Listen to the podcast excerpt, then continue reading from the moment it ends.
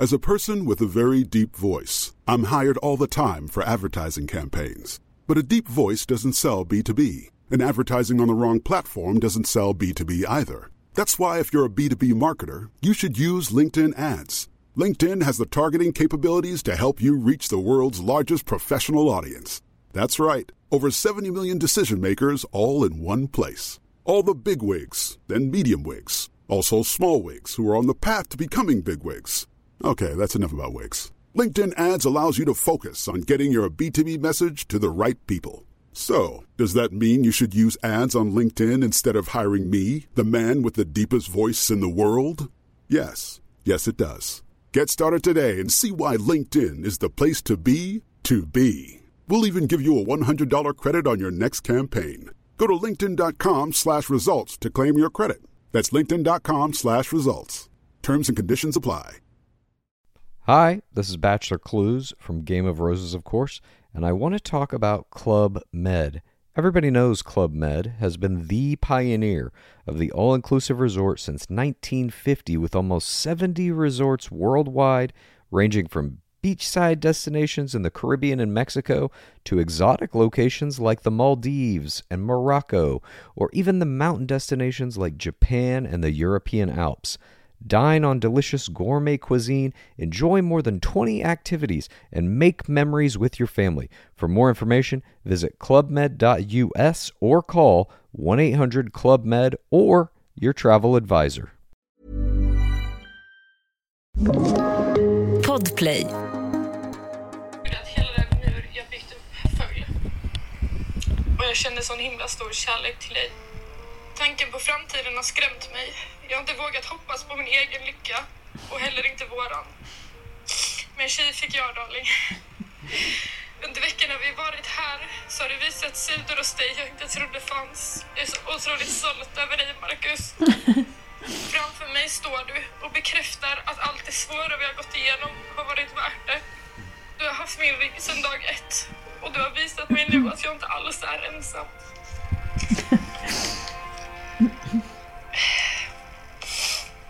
Lite. Lite slut här. Min är så stort. Det är mobbigt. Jag älskar inte dig det? Det är otroligt. och jag vill alltid vara med dig. Så därför har jag en liten fråga till dig. Mm, gulla, gå fria.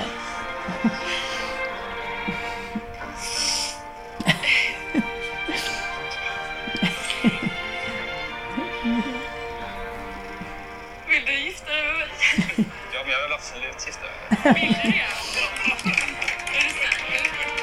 Är du säker? Det känns bara så jävla bra. Att vi står här nu. Jag känner mig verkligen så redo.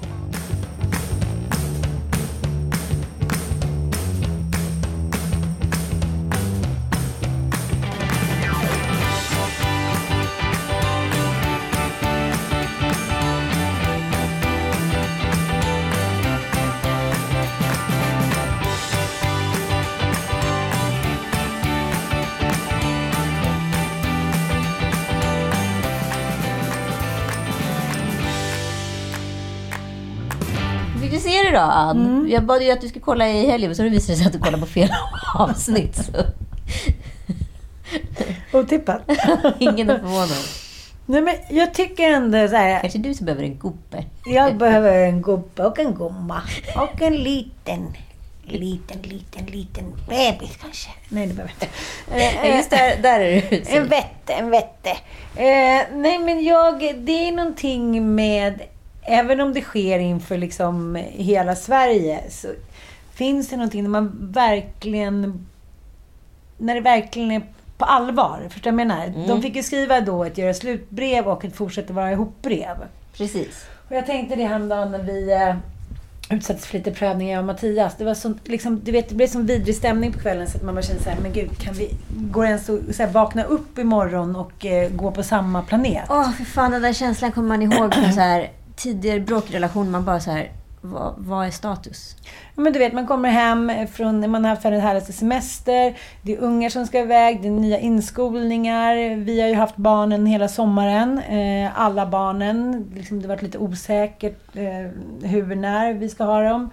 Man börjar jobba. Men du vet, det bara liksom blir att helt plötsligt så har barnen massa kompisar hemma och så blir det bara liksom en jävla urladdning. Och man börjar så här, i smyg typ kastar så jävla mycket skit på varandra. För man, man orkar bara inte. Man så kan inte stå emot. Man bara så sänker garden. Och så går man och lägger sig och bara så här. Nej men gud, jag kommer aldrig kunna gå och reparera. Så här, vi måste sova nu och så får man hoppas att det är en annan dag imorgon. Så vaknar man upp och då är man lite skakig. Att man Ja. känner så här, gud. Men om vi inte skulle ha varandra. Alltså det blir ju den vi eller aldrig-känslan. Det kan ju bli det av ett vanligt jävla vardagsbråk. Gud ja. Och den känslan är så...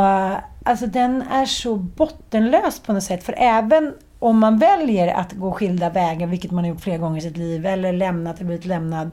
Så är den helt... Alltså det är ju så att den andra människan helt plötsligt går framför en och dör på gatan. Det är så här, det, det är inte vi längre. Och det är så jävla sorgligt. För det finns ju alltid några känslor kvar nästan. Vad som än har hänt. Och eh, den är så utmattande den här känslan. Och det är också svårt tycker jag att orientera sig i den känslan. För att den är så liksom, vad ska man säga, förlamande. Så jag tror att man kan välja fel. Alltså så här, att man stannar kvar av fel orsaker. Och det måste jag ändå säga, med det här programmet blir det ju väldigt tydligt vad man måste jobba på, vad man inte har vågat. För det som händer i en relation är ju att man fastnar ju någonstans och går det här hjulspåret och den här liksom dragspelet och den här gamla låten på repeat. Och det är svårt att liksom ta sig ur det. Och det finns ju hopp. Alla kan ju förändras. Det är inte så här Nej, det- världens omöjligaste grej. Det kan gå jäkligt snabbt också. Man kan bestämma sig. Ja, men jag tycker ju så här. Sen kan man ju säga vad man vill om kvaliteten på programmet och så vidare. Men det som sker är ju att det händer grejer hemma i tv-soffan. och det är kanske där den största förändringen sker. För helt plötsligt kan man se på par man kanske själv kan identifiera sig med eller situationer man själv kan identifiera sig med. Och se, så där har vi det också ibland. Eller vad händer då med mig när han säger sådär? Eller hon, när jag säger sådär till honom. Liksom. Och här, här blir det... Här kommer saker upp på bordet som man kanske inte såg och trodde på. Så när eh, Steffi friar till Marcus där på slutet, då är det ju som att jag friar till Joel. Eller förstår du? Liksom, man är med henne i sina resonemang och det är väldigt, man har väl liksom lyckats utveckla där väldigt bra. Och jag tänker att det är till och med ett bra test för en själv. Man kanske ska skriva ett så här, göra slut med brev och ett vara ihop-brev. Så får man se vilket brev man faktiskt, när, man, när till syvende och sist kommer behöva leverera om man är sann mot sig själv och sina känslor. Och som de har fun- verkar som att det har funkat där med rätt mycket terapi och coaching och så vidare. Det kanske är så här så att alla par behöver det, för vi är så jävla vilsna idag. Vi ska bara förlita oss på att vi ska leva med varandra i ungefär 80 år. Det- Nej, jag håller med dig. Och då kan man också känna den där essensen av vad det var som man tyckte var så otroligt vackert och bedårande och ljuvligt från början. Precis, för den doften går ju förlorad längs vägen. Mm, mm, jag håller med dig. Ja, men samtidigt kan man ju bli väldigt uppslukad av den där känslan av att så här, nu kör vi. Jag kan tänka mig, ibland när man har varit på en så här weekendresa. Så antingen så kan man åka hem med känslan så här, som jag gjorde med mitt ex. Vi var firade 40-årsdag i Köpenhamn och vi båda åkte hem därifrån och kände så här, nej men det är så över. Mm. Du vet när vi hade, man har liksom haft sex eller älskat då och sen så sitter den ena på balkongen och tar en gash och den andra ligger i sängen och tar selfies. Läs mig. Och sen att man hänger med kompisar som har barn. när man för en gång skulle utan barn. Och det var verkligen känslan när vi satt på flyget hem, kommer jag ihåg, att det var så här. Nej men gnistan, the spark was over. Ja, men- var, ingen av oss ville längre. Liksom. Nej, och jag hade en sån där eh, sista resa med... Åh, jag spyr när jag tänker på det. Jag hade en sån där sista resa med ett XXX. Och liksom vi var...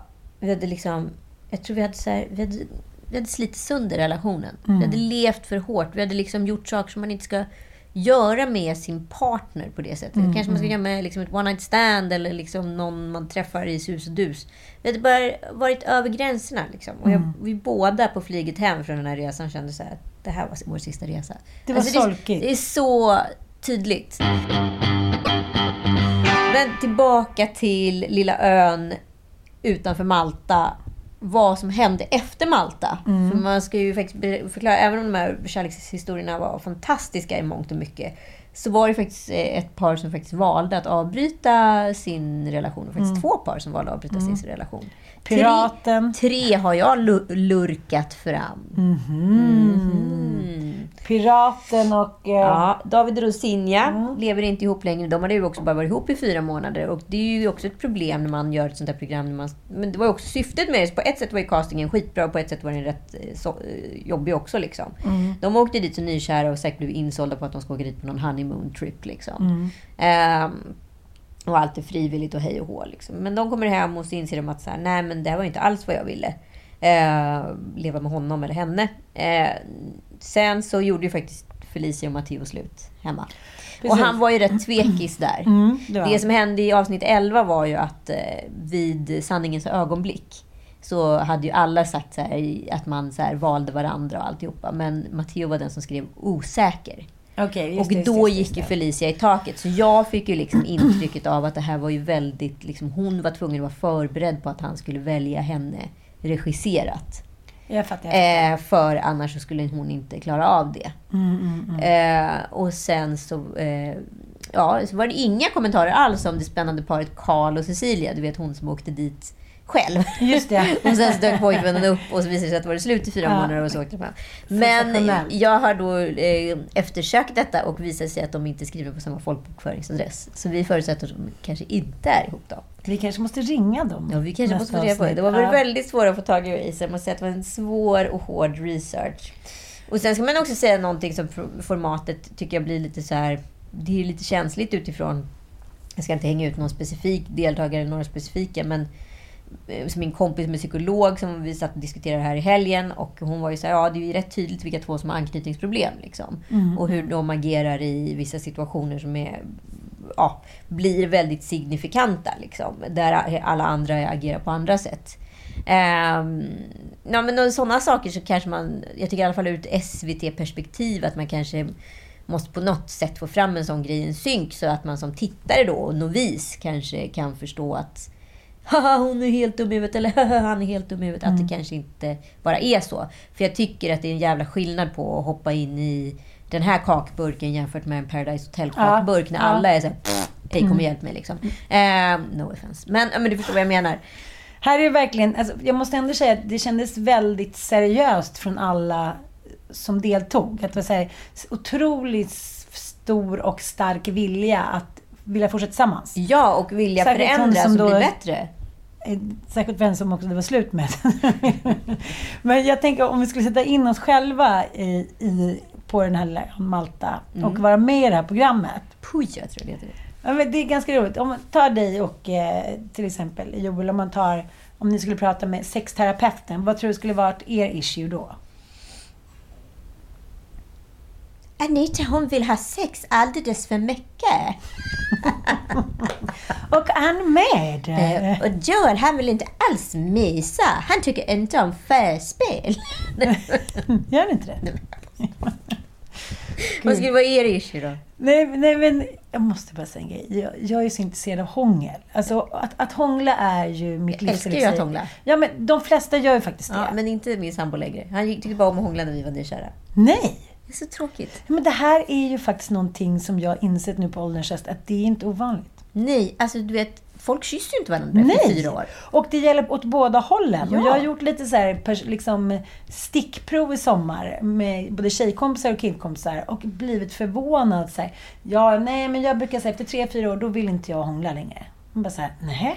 Ett annat par, han har aldrig velat hångla med mig. Vi har aldrig kysst varandra på tio år. Nej, men det är det värsta jag har hört. Alltså jag Han dör har utan kyssen. kyssfobi. Nej. Nej, Nej, det har inte min sambo. Det ska nej jag men sen den värsta. Okej. som, också, som jag också tänkte så här, har det drabbat mig någon gång? Och kom fram till att det hade det. Men att man har varit gifta, varit ihop massa år, men den andra är ingen bra på att hångla. Den har faktiskt jag varit med om.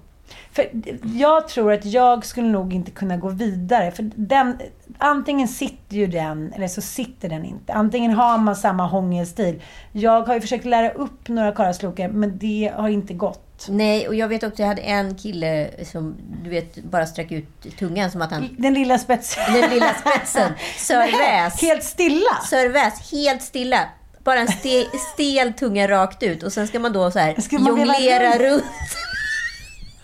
Så det var som en, så här, det var som en midsommarstång i mynten och så skulle jag springa runt det där. Jaha, nej men gud vilken konstig... Han, alltså, där, han blev upphetsad och sen blev det bara en passiv, lång, tung tunga som låg Ja, där. och liksom man förstod inte alls att tungan skulle vara mjuk och att den skulle vara följsam. Nej, nej, nej. Alltså, so over it. Åh nej, men sen finns det de som liksom ska köra slask and the task. Bara, så det Det är känns för mycket saliv. som så här 300 tungor i munnen. Man bara, vänta jag måste orientera mig. Så här, är det flera som har kommit in?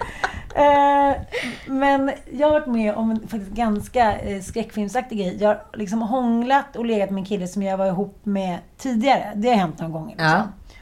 Och bara, jaha, nej, men vad är det här för fjöshångel? Fast jag minns det som att det var typ Ja, det- hånglet of a lifetime. Ja. Så att, eh, men just det där när det bara liksom kan Men jag både tänker- bli köttigt och liksom blablabla, och sen lite milt och sen, alltså, men fast den andra känner av sig, man, man, man passar Nej, men, precis. Alltså det är där jag har tänkt på så mycket. På det sjukaste är att jag, jag vad heter det, skrev, gjorde en story på min Instagram-story att jag låg med en kille i Örebro bara för att han var lik Liam Gallagher. Alltså, det var det enda kriteriet. Det var det enda vi hade gemensamt var att han var lik Liam Gallagher och jag ville ligga med Liam Gallagher. Så Dåtid alltså. Ja. så då Ja. låg jag med honom. Ja. Det fanns inga annat Nej. kriterier överhuvudtaget. Eh, och det var ett fantastiskt utbyte. Det som var grejen var att han var rätt jävla bra i sängen, den här killen. Eh, så det var inget, det var inget, det var ingen trist grej att åka och Så hälsa det på honom. vet vi ju inte om Liam är, Nej, eller var. nej men det kunde jag ju ändå fantisera Ja, upp där ja. när jag ändå var i min eufori över Mm. detta sammanträffande. Eh, och eh, sen så var jag tvungen utav, för det var en kompis från Örebro, bara så här, var det han? Och så var det så här, nej det var inte han, det var han. Och så gick jag in på Facebook och kollade upp honom. Nej, aldrig. Gå, gå aldrig den vägen. Gå aldrig den vägen. den vägen. Mm, Oj, vilken chock det var. Det är lite faktiskt så Vilken jag chock det känner med då Sex and the tänkte City. jag då Mm. att om jag hade legat med honom idag hade jag upplevt samma fan, eufori. Förmodligen inte, för man har väl ändrat sina sexkriterier med åren. Så Mm, ofta, det är det som är det roligaste också, med eh, två kompisar har legat med samma person. Fast olika tider Ja, i livet. ja, ja, Den ja. ena säger bara så här, men han är så bra i sängen. Och sen så ligger man bara, ursäkta? Fast vi har ju haft några eh, buk, eh, bukmän och där har vi faktiskt varit överens, har vi inte det? Nej, jag tror det faktiskt var en som vi var rätt oöverens på. Det var- Vilket är så roligt. Jaha, E-Type. Det beror ju på liksom lite vilket humör man är på också. Eh, Men, men det är som ja, men viskaleken bara. Det är lite som att tänka på sina gamla ligg är ju som viskaleken. Ja, Att så här, minnena för, förfulas eller förfinas eller ja. Nej, Man kan inte riktigt lita på sig själv med sin down the knull memory lane. Det kan man Nej, inte. det kan man inte. Och det är väldigt roligt. Jag lyssnade på, på vad heter Tombola-podden med Marcus Berggren och Carl Stanley i somras. Han- Där de båda var rätt så här, det, det är så, Tjejer har en förjävlig position när det kommer till sexrecensioner. För en tjej kan ju de facto ligga helt platt. Alltså Mm. helt som en platt fisk och bara så här. "Ja, Han var dålig i sängen. Jag var jättebra. ja, exakt. Och killen har kämpat på och slitit och håller på. Liksom. Och sen så kan man, kan man liksom få, en, få en lifetime sentence, liksom, enligt dem. Ganska intressant ändå. Så man kanske ska fundera på sin egen prestation i det här. För jag har ju någon idé om att så här, jag är ju en sexkusinna. Vilket jag förmodligen kanske inte var. Jag kanske bara låg där och bara, vänta, han var det, det, han var nej, men det måste jag ändå kunna så här, rista i stenet. Jag är ingen som så här, har legat stilla som en platt fisk. Utan jag är ganska bombastisk. Alltså, liksom, Men nu får jag så mycket bilder där så jag vet inte riktigt vad, om jag vill ha de här bilderna. Jo, det vill. Och då hade jag den, de röda underkläderna. Nej, men när man är inne i en sån där nyhånglig eufori, då tycker jag, då, då är det både upp och ner och fram och tillbaka. Alltså, där känner jag mig inte trist på något sätt. Nej. Sen kan jag inte säga att jag liksom är år, århundradets här, tumble, tumbler right now. Det kan jag inte säga. Men det som jag tycker är tråkigt ändå är just det där som du säger, nu är inte liksom Joel inne på att hångla så mycket längre. Då säger man så här, Nej men vadå, det som jag säger till Mattias, ska det vara så här med vissa grejer? Nu ska det vara så här. Jag klarar inte riktigt det. Jag tycker att man ska klara av att kunna kötta på år efter år. Ja, men för jag, som kunde, en jag, kommer- guldfisk. jag kommer ihåg när vi träffades, vi kunde ligga och hångla i typ två timmar. Köttsåpa på munnen typ. Ja, men verkligen. Så Mm. här, Helt sönderskavd haka och liksom... Men vad, vad, vad är det för, tycker han, tror, är det här din, det här är min tolkning, han tycker att det blir för på, du har för mycket begär, nu borde du lugna ner dig lite. Nu har ni ändå varit ihop ett par år, nu har ni väl någon Det annan inget, relation? det finns inget att bevisa. Nej, men jag vet inte varför. Jag, då funderar, jag- för jag blir då osäker och tänker så här, han kanske inte tyckte om hångla från första början. det var jag som har legat och smetat runt här. Det känns som att jag varit som en riktig kurrelfisk. Nej, men då tyckte han ju uppenbarligen om att hångla. Jag vet inte varför. Han kanske bara tycker att eh, sexet är tråkigt. I don't know. Men när ni ligger då, hånglar ni då? Ja, Ja. absolut. Men, nej, men jag, vi hånglar ändå på en, en del. Men det är för att du ut din kotunga och så fastnar lite människor på vägen. En del fastnar, en del går vidare bara. Men, men många fastnar, det är sant. Nej, där tycker jag ändå vi jobbar på lite. Men jag tycker också att efter, om man inte har hånglat på några dagar, då blir det som, då kan jag lika gärna gå med Luffelelle Och nu ska vi vara Danmark. väldigt tydliga så att ingen funderar på vad det här med hångla Hångla är alltså att man kysser varandra med tungan. Ja, det är inte inte, en puss Nej. Mm. eller en lång puss. Utan det är alltså att det är tunga som rullas runt. Det är ju något väldigt intimt och personligt Mm, i det. Liksom. Kommer du ihåg första gången du kysste någon? Eh, ja, Hans Gren hette han. Mm. och bodde i Örebro. Vi var ungefär sju år gamla. Och vi hade den här, vad hette den, ryska posten? Leken. Ja. Ja, och det är handtag, famtag, klapp eller kyss. Och då var ju kyssen, fick man sätta regler för om det var en puss eller om det var en kyss. Och då hade då alla unisont bestämt att det skulle vara en eh, tungrullare. Kommer inte, kanske inte var sju, kanske var Nej, åtta. Sju, så bo på hans gäng. Ja, men åtta kanske. Jag tror inte jag var så... Nej, okej, okej. eh, Ja, men vi var ju liksom ett gäng på sex, sju glada korvar där. Liksom. Och så satt vi in i någon kuddrum under någon filt och så skulle jag och Hans då tungrullas runt. Eller om det var... Nej, det var på, nej, det var på Sissis, vad heter det, klasskalas.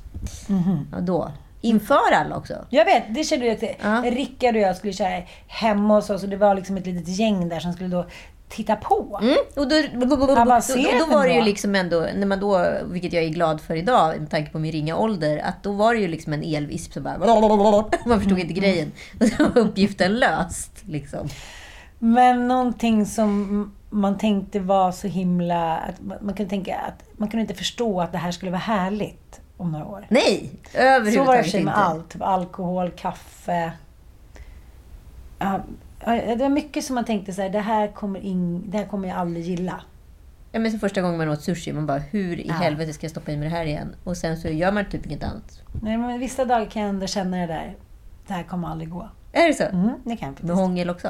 Nej, det, så känner jag aldrig. Jag tycker att så här, hångel kommer jag tror att man kommer tycka är härligt fortfarande när man är 90 år. Men det är också så fascinerande hur få som har varit så här 110 poäng och när det händer så är det så här Nej, men det är nästan som att få liksom en liten guldelixir av Gud. Du vet när det bara så stämmer, man kysser på samma sätt, man tar i varandra, det är in och ut och fram och tillbaka, upp och ner. Fast det är liksom hela tiden som en jävla dans som bara är helt perfekt. Och jag kommer ihåg mitt, mitt, liksom, vad ska jag säga, så här, mitt mest otroliga hångel.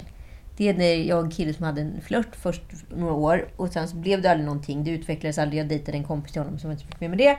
Eh, och han blev ihop med någon tjej och sen så ses vi på någon så här reklambyråfest, typ Guldägget eller något sånt där. Och liksom det har gått ett par år och ingen har en partner. Och vi så bara, du vet, faller i varandras armar. Och liksom hånglar oss. Liksom igenom stan. Genom nattklubbar, ut på gatorna. Vi kan liksom inte sluta och bara hångla oss hela vägen hem till hans lägenhet. Hångla oss vidare. Ja, och så vad händer grejer där. Och sen så ska han, missar han sin flight till London på morgonen.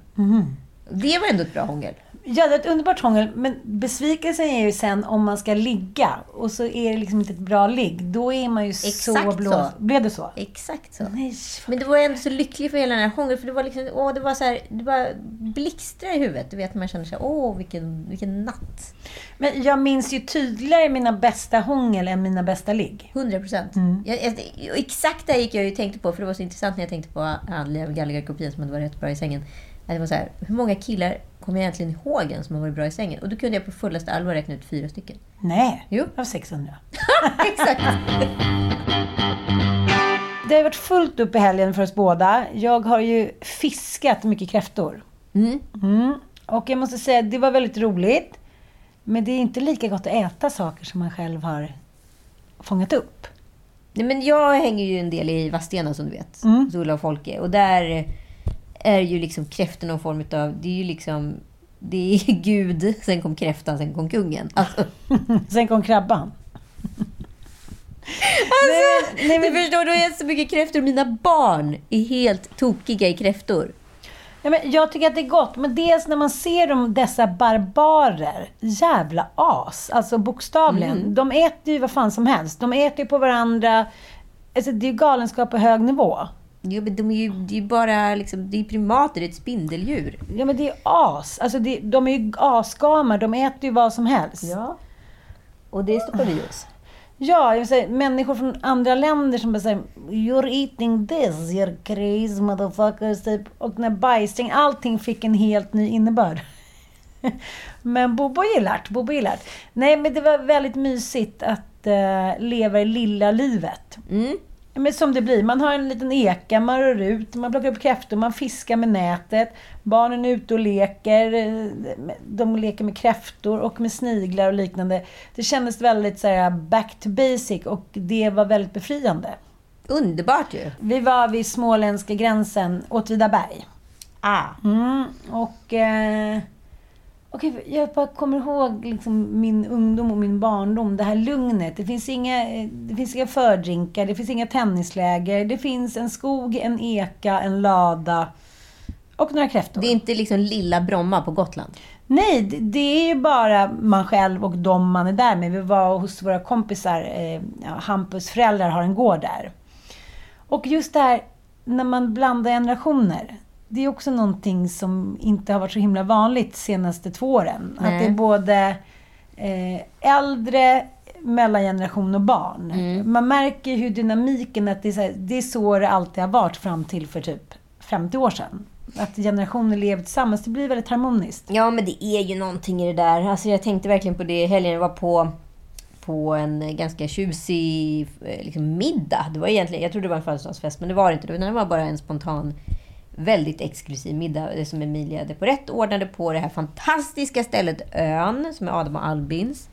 Som ligger liksom efter Långholmen. Det är, man promenerar typ 10 minuter ut från Långholmen och sen så kommer man till en liten bukt där. Eh, som jag typ inte varit sedan jag fyllde liksom 20 någon gång. Eh, helt glömt bort det stället. Och där har man liksom byggt som ett, liksom, vad ska jag kalla det för, minikini-festivalområde. Fast med bara liksom olika restauranger, barer, foodtrucks etc. Med olika teman. Alltså det var så bra, så bra, så bra. Och ja, du stängde dem för säsongen i lördag. Så att nu är det ingen idé att åka dit. Jaha. Tack för tipset. Tack för tipset. Men det, tänker till nästa säsong så kanske det är där jag ska vara. Mhm. Eh, och det var väldigt intressant. Jag hamnade i alla fall vid ett bord där vi diskuterade rätt mycket andlighet. Vid något annat bord så var det otroligt mycket sex. Alltså det var väldigt kul att liksom göra små mini-pools vad olika borden pratade Men var det om. bara liksom. kvinns eller var det liksom... Ja, det var mixed. Ja. mixed. Ehm, Joel hamnade vid ett bord och pratade, pratade flygpriser och eh, fotboll. Så han, var- han var så nöjd. Så. Flygpriser. Nej men typ. Nej, men, Ja, ja. Eh, och eh, vi pratade rätt mycket andlighet. Då kom i alla fall, konstaterade vi i alla fall att så här, ja, i och med att människan är så sekulariserad så är vi rätt så här, sökande natur utav naturen. Och eh, ja, alltså kristendomen har bara funnits i 2000 år. Så att, så här, frågan är om vi kommer gå tillbaka till någonting som vi trodde på innan. Och var mycket mera, att det kommer uppstå en ny gud eller kultur utifrån de här premisserna som vi är nu, fast om kanske 50-100 år. Liksom.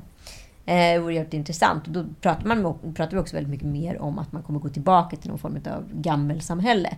Så jag tror att det ligger, ligger nära till hands. Jag tycker det var en spännande diskussion i alla fall. Gud vad spännande. Jag bara kände att det kändes så bra i hjärtat att så här, gå lite i skogen och leta efter en gammal svamp och gå på loppis. Jag bara kände Det känns mig... ju klimatnärvarande om inte annat. Ja, att ja. liksom dra, dra i handbromsen lite i det här extremt fartfyllda livet. Men jag tror också att ställen där man har funnit ro och tyckt om att vara som barn, det jackar mig in på ganska snabbt. Liksom. Och just det här prestigelösa, eh, men det är inte så att man känner något krav på att här, snofsa upp sig eller vara någon annan. men Det är väldigt, eh, det är väldigt skön, sköna energier tycker jag ute på småländska landsbygden. Men det är intressant det där, för jag tänkte faktiskt fråga dig det här med andlighet. För mig, när någon säger andlighet, så det innefattar ju så otroligt mycket. Och många av oss som är uppväxta på 70 och 80-talet har ju med oss någon form av jag vill inte säga uttrycket barnatro, men så här, jag gick på kyrkans barntimmar, jag har konfirmerats, jag är döpt, jag har liksom... Jag har inte gjort någonting av det där. Nej, har du inte? Nej. Har du inte? Nej. Ja, Jag, gick, jag, gick, jag gick, var med i scouterna typ två gånger och sen så gick jag på en söndagsskola. Och så fattade jag att det handlade om Gud och så blev jag så arg så ville jag inte gå dit mer. Men varför blev du arg? Vem hade liksom indoktrinerat dig att du skulle bli arg när Gud kom till Nej oss? men för jag tyckte att det var, jag, inte, jag har ingen aning eftersom jag är indisk. Jag har inte alls den tron. Ja, jag, fatt, jag fattar. Jag, jag trodde inte på det. Jag tyckte inte det kändes rimligt, logiskt etc. Sen så tror jag på någonting. Och det har jag alltid gjort. Men jag vet inte liksom riktigt vad. Jag kan inte definiera det för mig själv. Och det är ju djupt personligt i allra högsta grad. Liksom. Men att tro på en... Ja, vad ska jag kalla det för? Institutionsgud. Det är inte det, är inte det jag vill. Nej. Jag kommer ihåg att jag läste Sampo Lappelill när jag var så liten. Och sen så handlar det om att Sampo då ska bli kristnad och komma bort från de här liksom, väsen. Och det Aha. handlar ju egentligen om... Och det fattade jag. Det var också så här, varför ska han till Gud? Tänkte jag. Liksom. Varför, ska han, varför ska han döpas och slippa de här fantastiska grejerna han får vara med om? Men det var ju egentligen bara för att skrämma samerna, så att de skulle bli kristnade. För att de var ju hedniska. Mm, Och nu i efterhand när man är vuxen eller liksom åldrad så förstår man ju att så här, fan vilken, vilket vidrigt sätt att göra det på. Att skriva en barnberättelse med en övertygelse för att få in folk i någon form av moralisk fåra då. Och inte leva nära naturen. Gå emot allt det där som Jag kanske vet. ursprunget är. Ja, samernas historia, där, där, där får vi alla skämmas. Frans har ju pratat en del om Jesus senaste tiden, oklart varför. Och så säger han gud vad bra du är på fotboll. Han bara, jag tänker på Jesus, det är därför jag är så bra, sa han. Nej, vad Jag bara, spännande. jag bara, gud vad spännande. Uh, och så sa jag så här, vem är Jesus för dig? Och då sa han ju så här, barn av sin tid. Ja, men han är ju död sedan så länge så jag vet inte hur han ser ut. Men jag tror att han var snygg för att han är ju en gud liksom. Jag var så här, ja gud vad avancerat det här blir. då. gud, man kanske måste prata religion och, och, och, och liknande med sina barn. Och jag känner, det har inte jag gjort. Mina barn har inte konfirmerat sig. De, Ossian är lite döpt. Är humanisternas liksom reglemage i Hagaparken. De andra har jag liksom inte ens... Och så plötsligt så kände jag en liten längtan efter just det där sammanhanget som för mig har varit otroligt positivt. Liksom. Och så var jag på en middag så säger en av killarna som är där, han sa jag kände, jag känt sedan jag föddes att jag inte är lik mina syskon. Jag kände att jag direkt, när jag föddes, att jag stod i direktkontakt med Gud. Jag bara, oj, den blev liksom, det var lite som att så här, kasta 60 000 kräftor i min famn. Och så att det var en timme på att käka upp den. Jag visste liksom inte riktigt hur jag skulle, ja men vad skulle ta den här bollen. Det blev dels så här, han kände ju så. Mm, Han jag har alltid känt så. Och jag tyckte så här, men gud, who do you think you are? Typ. Men så har jag gått och tänkt lite på det. Det är så han känner. Alltså, jag är inte lik någon av mina syskon. Jag är inte, jag är inte som dem. Jag tillhör kanske inte ens dem. Jag känner att Det jag... är en annan art. Och jag, så här, jag har gått och tänkt på det där, om just det som säger det här med, med, med kristendomen och tro, att det här med andlighet. Att vissa är så otroligt övertygade om att de står i direktkontakt med någonting och att jag så jävla gärna skulle också vilja det. Jag, jag var ju alltså på healing förra veckan. Var du? Mm. Hirakirikiri, eller vad heter det? Va? Hierarki, eller vad heter det? Nej? Nej, okej. Jag var på alltså healing förra veckan eh, för första gången i mitt liv och har absolut ingen aning om hur det här fungerar. Det var i alla fall en väldigt god vän som sa till mig så här helt apropå ingenting så här, du borde faktiskt gå och träffa min kompis. Och jag var så här, "Jaha, okej. Ja, jag är ju öppen för det mesta. Så jag tycker, och jag tycker också att det är spännande. Så jag eh, beslöt mig för att göra det. Eh, och jag vill inte ha 200 DM som var jag varit och hej och vem jag träffat och sådär. Så jag kommer mig dit. Det är en väldigt liksom, tjusig adress och, och få träffa en, eh, en otroligt intressant, spännande kvinna. Verkligen inte flummig som man kanske så tänker att en healare ser ut, fördomsfull. Utan snarare åt andra hållet, rätt korrekt i, sitt, eh, liksom, i sin approach. Eh, och så hade vi liksom ett förmöte och så hade hon något block och gjorde massa noteringar. Och så skrev hon upp massa siffror och lite grejer. Och sen så gick vi in och så la jag mig på liksom en massagebrits Siffror? Ja. I don't know. Det, det var olika grejer som skulle göras. Liksom. Jag fick inte reda på riktigt vad. Och sen så var hon så här, du får titta om du vill, du får blunda om du vill, gör vad du vill, nu åker vi. Och det började flimra förbi så mycket bilder framför mina ögon. Eh, det var liksom bildspel på bildspel som bara liksom, ibland fick jag, var det så mycket bilder så att det var nästan jobbigt att ta in. Jag fick liksom lite svårt att andas. Och sen gjorde det helt plötsligt lite ont på olika delar av kroppen. Och helt plötsligt när de kom upp till hjärtområdet trodde jag på riktigt att jag skulle få en hjärtinfarkt. För jag så här, men nu måste vi, jag kände sen, men nu måste vi avbryta. Men man är i någon så här rapid eye moment tillstånd. så att jag så här, kunde inte värja mig från det. Och sen plötsligt bara försvann det. Och sen gjorde det jätteont i vänster arm och så försvann det också. Och sen kom jag därifrån och bara, Vad fan hände? vad fan hände? Och då hade hon liksom dammsugit mig i princip. Från en jävla massa negativa energier. Och sen har hon eh, rekommenderat mig att börja meditera. Så jag började göra det. Och eh, det funkar. Det har förändrat så många människors liv. Ja. Och, och, det, och det som jag tyckte var coolt var att hon var såhär, spelar ingen roll om det är 30 sekunder eller 3 timmar, bara gör det. Liksom. Och försök att liksom bara lösa det för dig själv. Så man behöver inte alla de här jävla apparna och liksom läsa på om eh, 300 sidor om vad fan som helst. Utan bara sätt dig ner och ta det lugnt. Och jag måste säga att jag känner mig... Det är lite life changing moment. Jaha! Mm, det är lite life changing moment. För jag läser en bok som handlar om så här, hitta rätt i dina energier. Och så förklarar han då eh, bara vad liksom en liten del på din hand, hur mycket atomer och energier och liksom hur mycket, alltså, det, det blir en sån rymd, liksom rymdkänsla-tripp. När, när någon förklarar så här, vad energier är, då är det så här, man tänker att man är materia och det, liksom, man är sin kropp, men man är ju inte det. För man är ju bara atomer och energier. Ja, och det är ju jättemycket så här...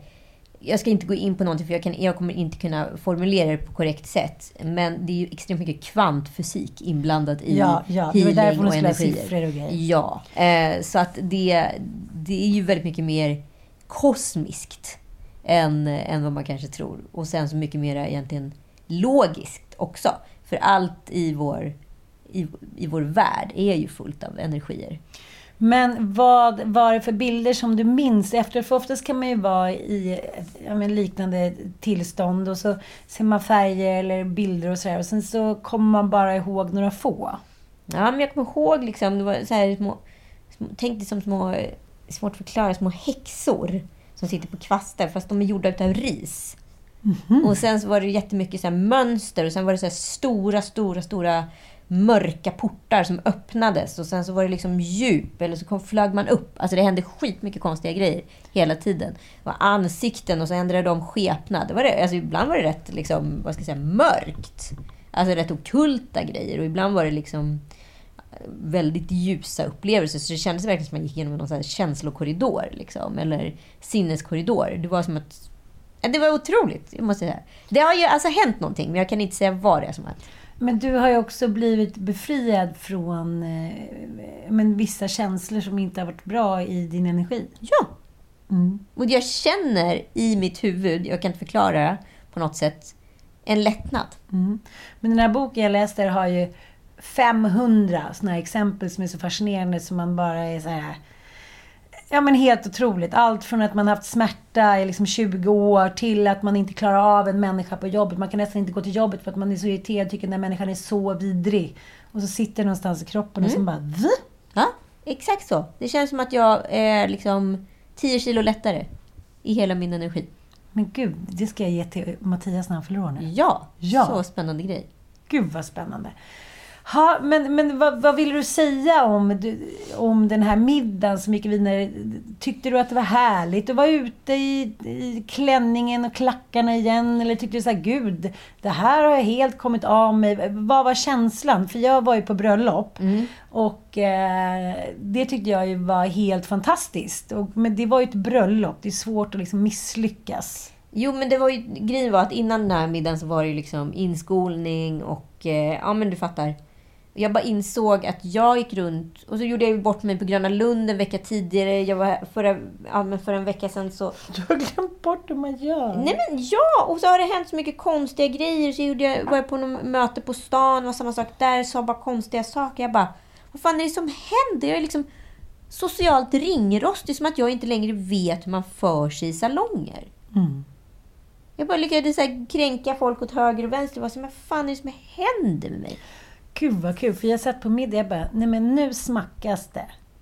Och det liksom petas i näsor. Och det liksom, jag bara känner såhär, folk har liksom förlorat allt möjligt.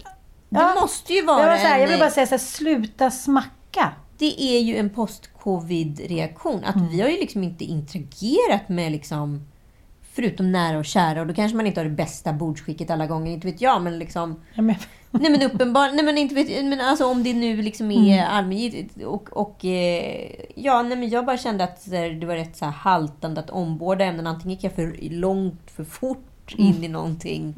Eller så gick jag för alldeles för ytligt med folk så jag kanske inte borde vara ytliga. Men alltså jag hade inte hittat min takt och ton.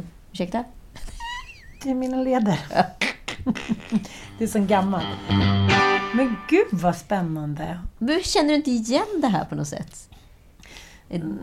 Du som inte hade gjort någonting under hela din covid. Eller hur det var. Men grejen är att jag, det problemet är att jag har ju gjort ganska mycket. Jag har inte Du levt- skrev ju ett sorgligt inlägg här för ett tag sedan så jag var tvungen att kommentera. Vadå? Det var ju så här, första gången jag går ut på två år. Eller vadå? Ja, men det Man var- var så här, men Ann Södlund, du hade ju för fan en julfest. Nej, just det. Men, men, men det som hände, precis som du sa, att den här...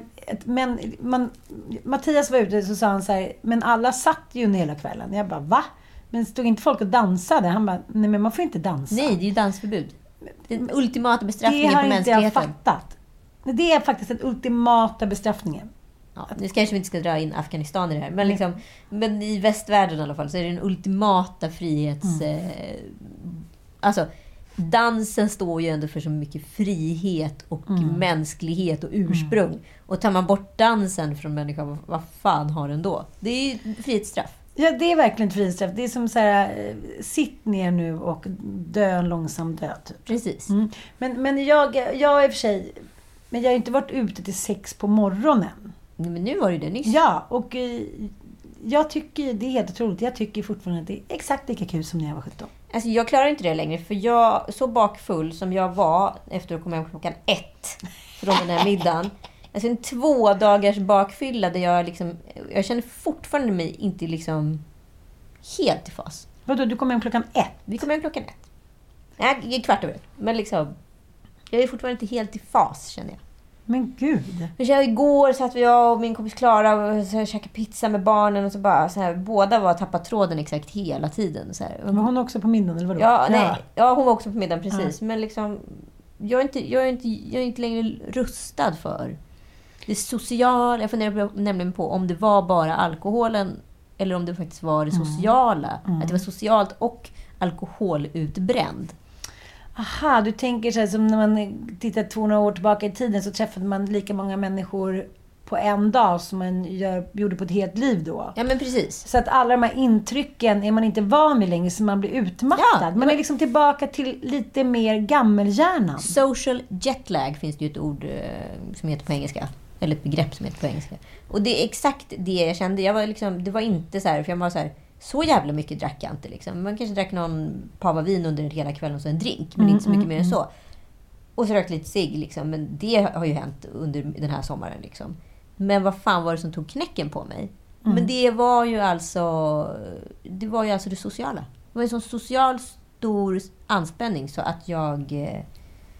Jag tror att jag har varit, varit liksom i chocktillstånd efteråt. Det är som delfinerna som helt plötsligt dök upp i Venedig efter några, dagar, eller några månaders covid. Vi, så här, vi går tillbaka till vår liksom, primatkänsla. Vi går tillbaka till våra liksom, ursprungsideologier. Vi, vi, är inte längre, vi, vi har gått tillbaka till det som var innan det moderna samhället kanske. Våra kroppar kanske har ställt om och våra hjärnor. Ja, alltså det är någonting som har hänt i alla fall. Det, och det är ju intressant nog. Någonting som har hänt är också att jag var på Vasamuseet den här helgen. Eh, och där har de en otroligt spännande utställning om eh, kvinnohistorier. Alltså för att vi... Det här är ju rätt, det här är ju rätt grovt. Hela våran hela vår upplevelse och hur vi har skapat vår moderna historia är ju baserat på en förvanskning Mm. utav kvinnohistorien. Mm. Jag kan lyssna, lyssna lite då. Mm, mm. Ja, men kort beskrivet så är det så att man har tagit bort det som förr stod skrivet i, i historieböckerna. Eller, eller det som också, man har inte ens, i många fall har man inte ens skrivit in det. Men det har redigerats bort i och med att samhället har blivit modernare och kvinnor har blivit ett större hot. Kan man säga så? Ja, men precis. När eh, encyklopedin skrevs så städade man helt enkelt bort kvinnorna. Och man gjorde dem till fromma varelser som antingen jobbade ideologiskt eller så var det något annat. Tydligen var exempelvis sjöfarten, det var 100% jämställd. Och eh, också likadant, handeln var också 100% jämställd. Man har bara valt att inte skriva med kvinnorna. Och då har vi alltså baserat hela vårt moderna samhälle på någonting som inte är sant. Utan att ta reda på varför. Kanon. Eh, och nu kommer ni höra Anna-Sara Hammar som är doktor i historia prata. Varför ser vi då kvinnors närvaro i historien som mindre viktiga än mäns? Då får man gå tillbaka till 1800-talet när historia blev en eh, vetenskaplig disciplin. Därför att det är 1800-talets syn på sånt som kön, politik och makt som fortfarande präglar hur vi tänker idag. Ett ganska tydligt exempel är om man idag går in på Wikipedia och läser om drottning Ulrika Eleonora, Karl XIs hustru. Då kan man läsa till exempel att hon var mild och gudfruktig, tålmodig och helt ointresserad av politik. Istället så ägnade hon sin tid åt barnen och åt välgörenhetsarbete. Eh, framförallt åt understöd till de fattiga. De här uppgifterna kommer från Nordisk familjebok som är ett uppslagsverk från 1800-talet och som alltså lever kvar i dagens moderna Wikipedia. Problemet med det här är bara att under 1600-talet, ja men då var ju fattigvård, understöd och att ge gåvor i allra högsta grad politik. Ja. Intressant, intressant.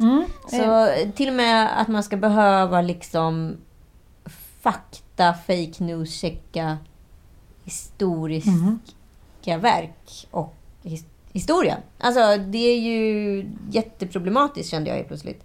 Och att jag kände också att den här förvanskningen utav, det blir mycket feltänk på vägen här. Vi håller på och skriver om vår egen historia baserat på att vi är så historielösa. Men problemet är om historien sig är så historielös. Vad fan har vi då? Jag fattar. Men, men, men det är ju egentligen eh, eh någon eh, inom citationstecken som får sätta sig och rota fram alla fakta här faktan och det skrivs om. Och det är ju ett jobb som förmodligen stat och landsting inte gärna vill betala. Nej men det måste göras för det kan, inte, det kan inte se ut så här. Plus att jag känner också att så här, jag blir bestulen i vår samtid på hur saker faktiskt var. Jag som eh, kvinna i alla fall hade gärna velat veta att sjöfarten varit lika jämställd. För det kanske hade ändrat mina möjligheter och mina livsval. För att jag tänker så ofta på, bara man kollar i de här gamla Veckorevyn-tidningarna, hur jävla illa kvinnor beskrivs. Liksom. Och det är baserat på någon idébild vi har på grund av att någon gubbe har suttit och skrivit i encyklopedin. Istället för att faktiskt veta att så, här, så där ska man inte alls ha det, vara och så vidare. Jag tror att det säkert repareras i den här generationen, men den här generationen är också för arg och aggressiv på ett sätt som också blir historielöst. Eh, baserat på det vi precis fått reda på. Jo, men jag tänker också lyssna på en podd som heter eh, Myter och mysterier. Mm. Som är en forskare och eh, en journalist som pratar om eh, ja, men, myter och mysterier helt enkelt. Och ett avsnitt då heter Gudinnor. Och eh, då står det så här, en gång fanns de överallt. De kunde uppträda som najader, som valkyrior, som nornorna, som spinner livets ödestråd. Ja, alltså som världens själva moder. I Europa fanns de överallt under tusentals år tills Sverige gick över i en ny och annorlunda fas. Istället för många gudar existerar nu bara, plötsligt bara en. Och det var en han. Så då har eh, alla liksom de här, eh, ja men, de här kvinnorna då, eh, gudinnorna, de har redigerats bort från, från böcker och eh, historier och bla bla bla. Så att helt plötsligt så finns det ingen förebild, det finns inga gudinnor. Det finns bara en gud och han är allsmäktig och är en man. Mm. Och då kan man ju tänka, gå tillbaka då till våra så här söndagsskoletraditioner och sådär. Så att jag kanske inte var helt snett på då när jag vägrade gå i söndagsskolan.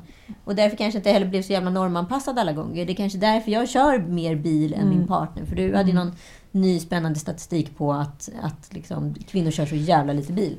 Jo, men Man jag, lever i tvåsamhet. Jo, men jag tänker ofta när vi åker bil att det, att det blir så att Mattias kör för han tycker det är skönt och då har han kontrollen. Och nu var de uppe i fjällen här i vintras och han kom tillbaka och hade kört liksom 20 timmar och fick ryggskott. Jag var så här, du kunde inte bett någon annan köra? Nej men alla frågade men jag tycker att det är skönt. Det är så här, jag kör min bil typ. Det är någon så här, en sista manliga bastionen att kunna ratta olika fordon. Och eh, så läste jag att i snitt så kör kvinnor 3,5% av 100% körtid då. I bilar. Det är helt sinnessjukt. Nej men det är helt sinnessjukt. Och då känner jag så här, så då införde jag heller nu varannan damernas. Så när vi skulle åka båt, då körde Anna-Maria, liksom, då rodde hon. Och när vi åkte fyrhjuling, då körde vi. Alltså att, att man hela tiden medvetet tänker så här, nu är papporna lunch, bla bla bla. För att vi är så indoktrinerade i det här, de här rollerna, eller hur det ska vara hit och dit. För att männen inom citationstecken ska känna sig trygga och ha cojones. Så då införde jag det att nu kör jag varannan damernas på allt som också har med teknik att göra. Ja, och Mm. det, det är liksom det är superviktigt. Även fast det låter litet och futtigt så tror jag att så här, det är viktigt på det stora hela. Jag tror mina barn äh, till 100% kommer så säga att det var mamma som satt vid ratten. Mm, Och kommer det påverka dem i stort och litet det har jag ingen jävla aning om. Men det kommer åtminstone göra min sons syn på kvinnor mycket mer jämställd. Men Eh, jag vet att det påverkar och det har jag märkt först nu. Till exempel när jag fyller år eller mors dag så får jag mina söner säga du är det starkaste vi vet. Du har gjort allt för oss. Du klarar allt bla bla, bla. De har inte sett att jag har suttit passiv. Utan har det varit en situation eller det har varit kris eller lite dit så har jag gjort det som har krävts. Vare sig det har varit ratta en bil, åka ner för en skidbacke. Jag, jag ser nu när jag får lite facit att det har påverkat dem enormt. Ja, men såklart det har. Och jag tror också att så här, egentligen så har ju kvinnor hela tiden gjort såna här grejer. Men, eh, ja, mors dag var ju en, en grej som så här, eh, man var tvungen att göra då för att hy- hylla kvinnan förr i tiden. Eh, för att det var ju hon fick ju all, all skit. Men sen kom man på att då skulle man vara jämställd åt andra hållet och instiftade man farsa. Ja, inte ska väl de vara själva kvar. kvar. Han ska väl kunna få ett par strumpor och kalsonger när han vill. En dag per år.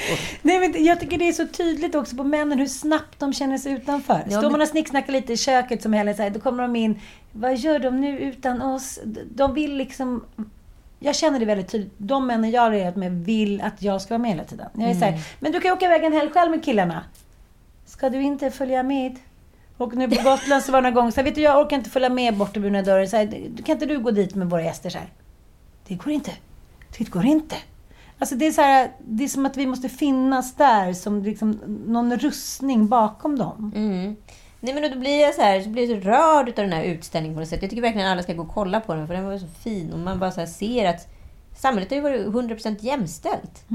Det är så mycket i det här som så här skaver. Det här är en sån jävla eh, alltså sinnessjuk life changing moment på ett sätt. Man bara så här, jaha, hela vår historia är förvanskad och jag har vuxit upp med den historieförvanskningen och liksom trott att samhället ser ut på det sättet baserat på någon jävla gammal folkhistoriebok liksom, som är skriven av en snubbegubbe.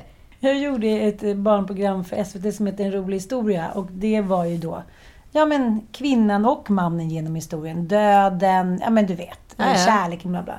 Då skrev jag ju om historien lite ibland och sa det tydligt. Så här, jag skiter i det, jag vill inte vara kvar på antiken. Det är för tråkigt. Jag vill inte liksom vara någon smusare. Så det var ju också ett sätt att visa för tjejer att så här, man kan ta sin egen... Ja. Det finns mycket att göra på det här området. extremt mycket. Jag tycker framför allt att så här, stat, förvaltning, hi- historia, alla måste ta, och näringslivshistoria, alltså alla måste ta sitt ansvar inom det här, att liksom förändra det här. För att det kommer ju påverka mina barn och nästkommande generationer att så här, att ingen är sämre, ingen är bättre och så vidare. Sen har vi olika superhjältekrafter på olika sätt. Liksom. Men det ska inte jämföras. Och här har vi rört ihop äpplen och päron och blivit så satans fel. Och med de glada orden. Och det är som eh, Frans, fyra år, säger. Jag vet ju inte hur Jesus ser ut. Det var ju så länge sedan han dog. Det kunde ju lika gärna vara en kvinna. Ja, eller som min son sa häromdagen. Mamma, vi ska börja med IQ i skolan. Jaha, sa jag. Hur känns det då? Det är ingen fara. Jag är smart och mina pruttar, de luktar otroligt illa. Jag kommer klara mig. Han är otroligt smart och eh, Hans pruttar luktar otroligt illa. Jag kommer klara mig. mer kanske man inte behöver. Nej, jag tror han är något på spåren. Inte så mycket mer med det. Tack så jättemycket för att ni har lyssnat. Puss och kram! Puss och kram!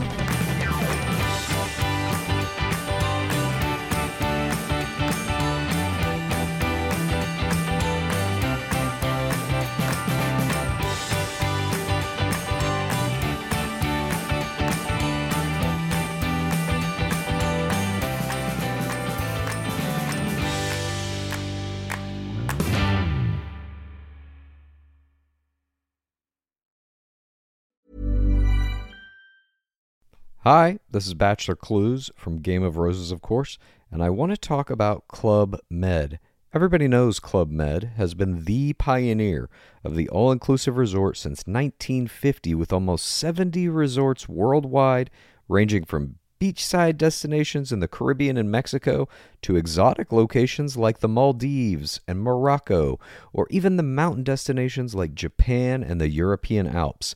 Dine on delicious gourmet cuisine, enjoy more than 20 activities, and make memories with your family. For more information, visit clubmed.us or call 1 800 Club Med or your travel advisor.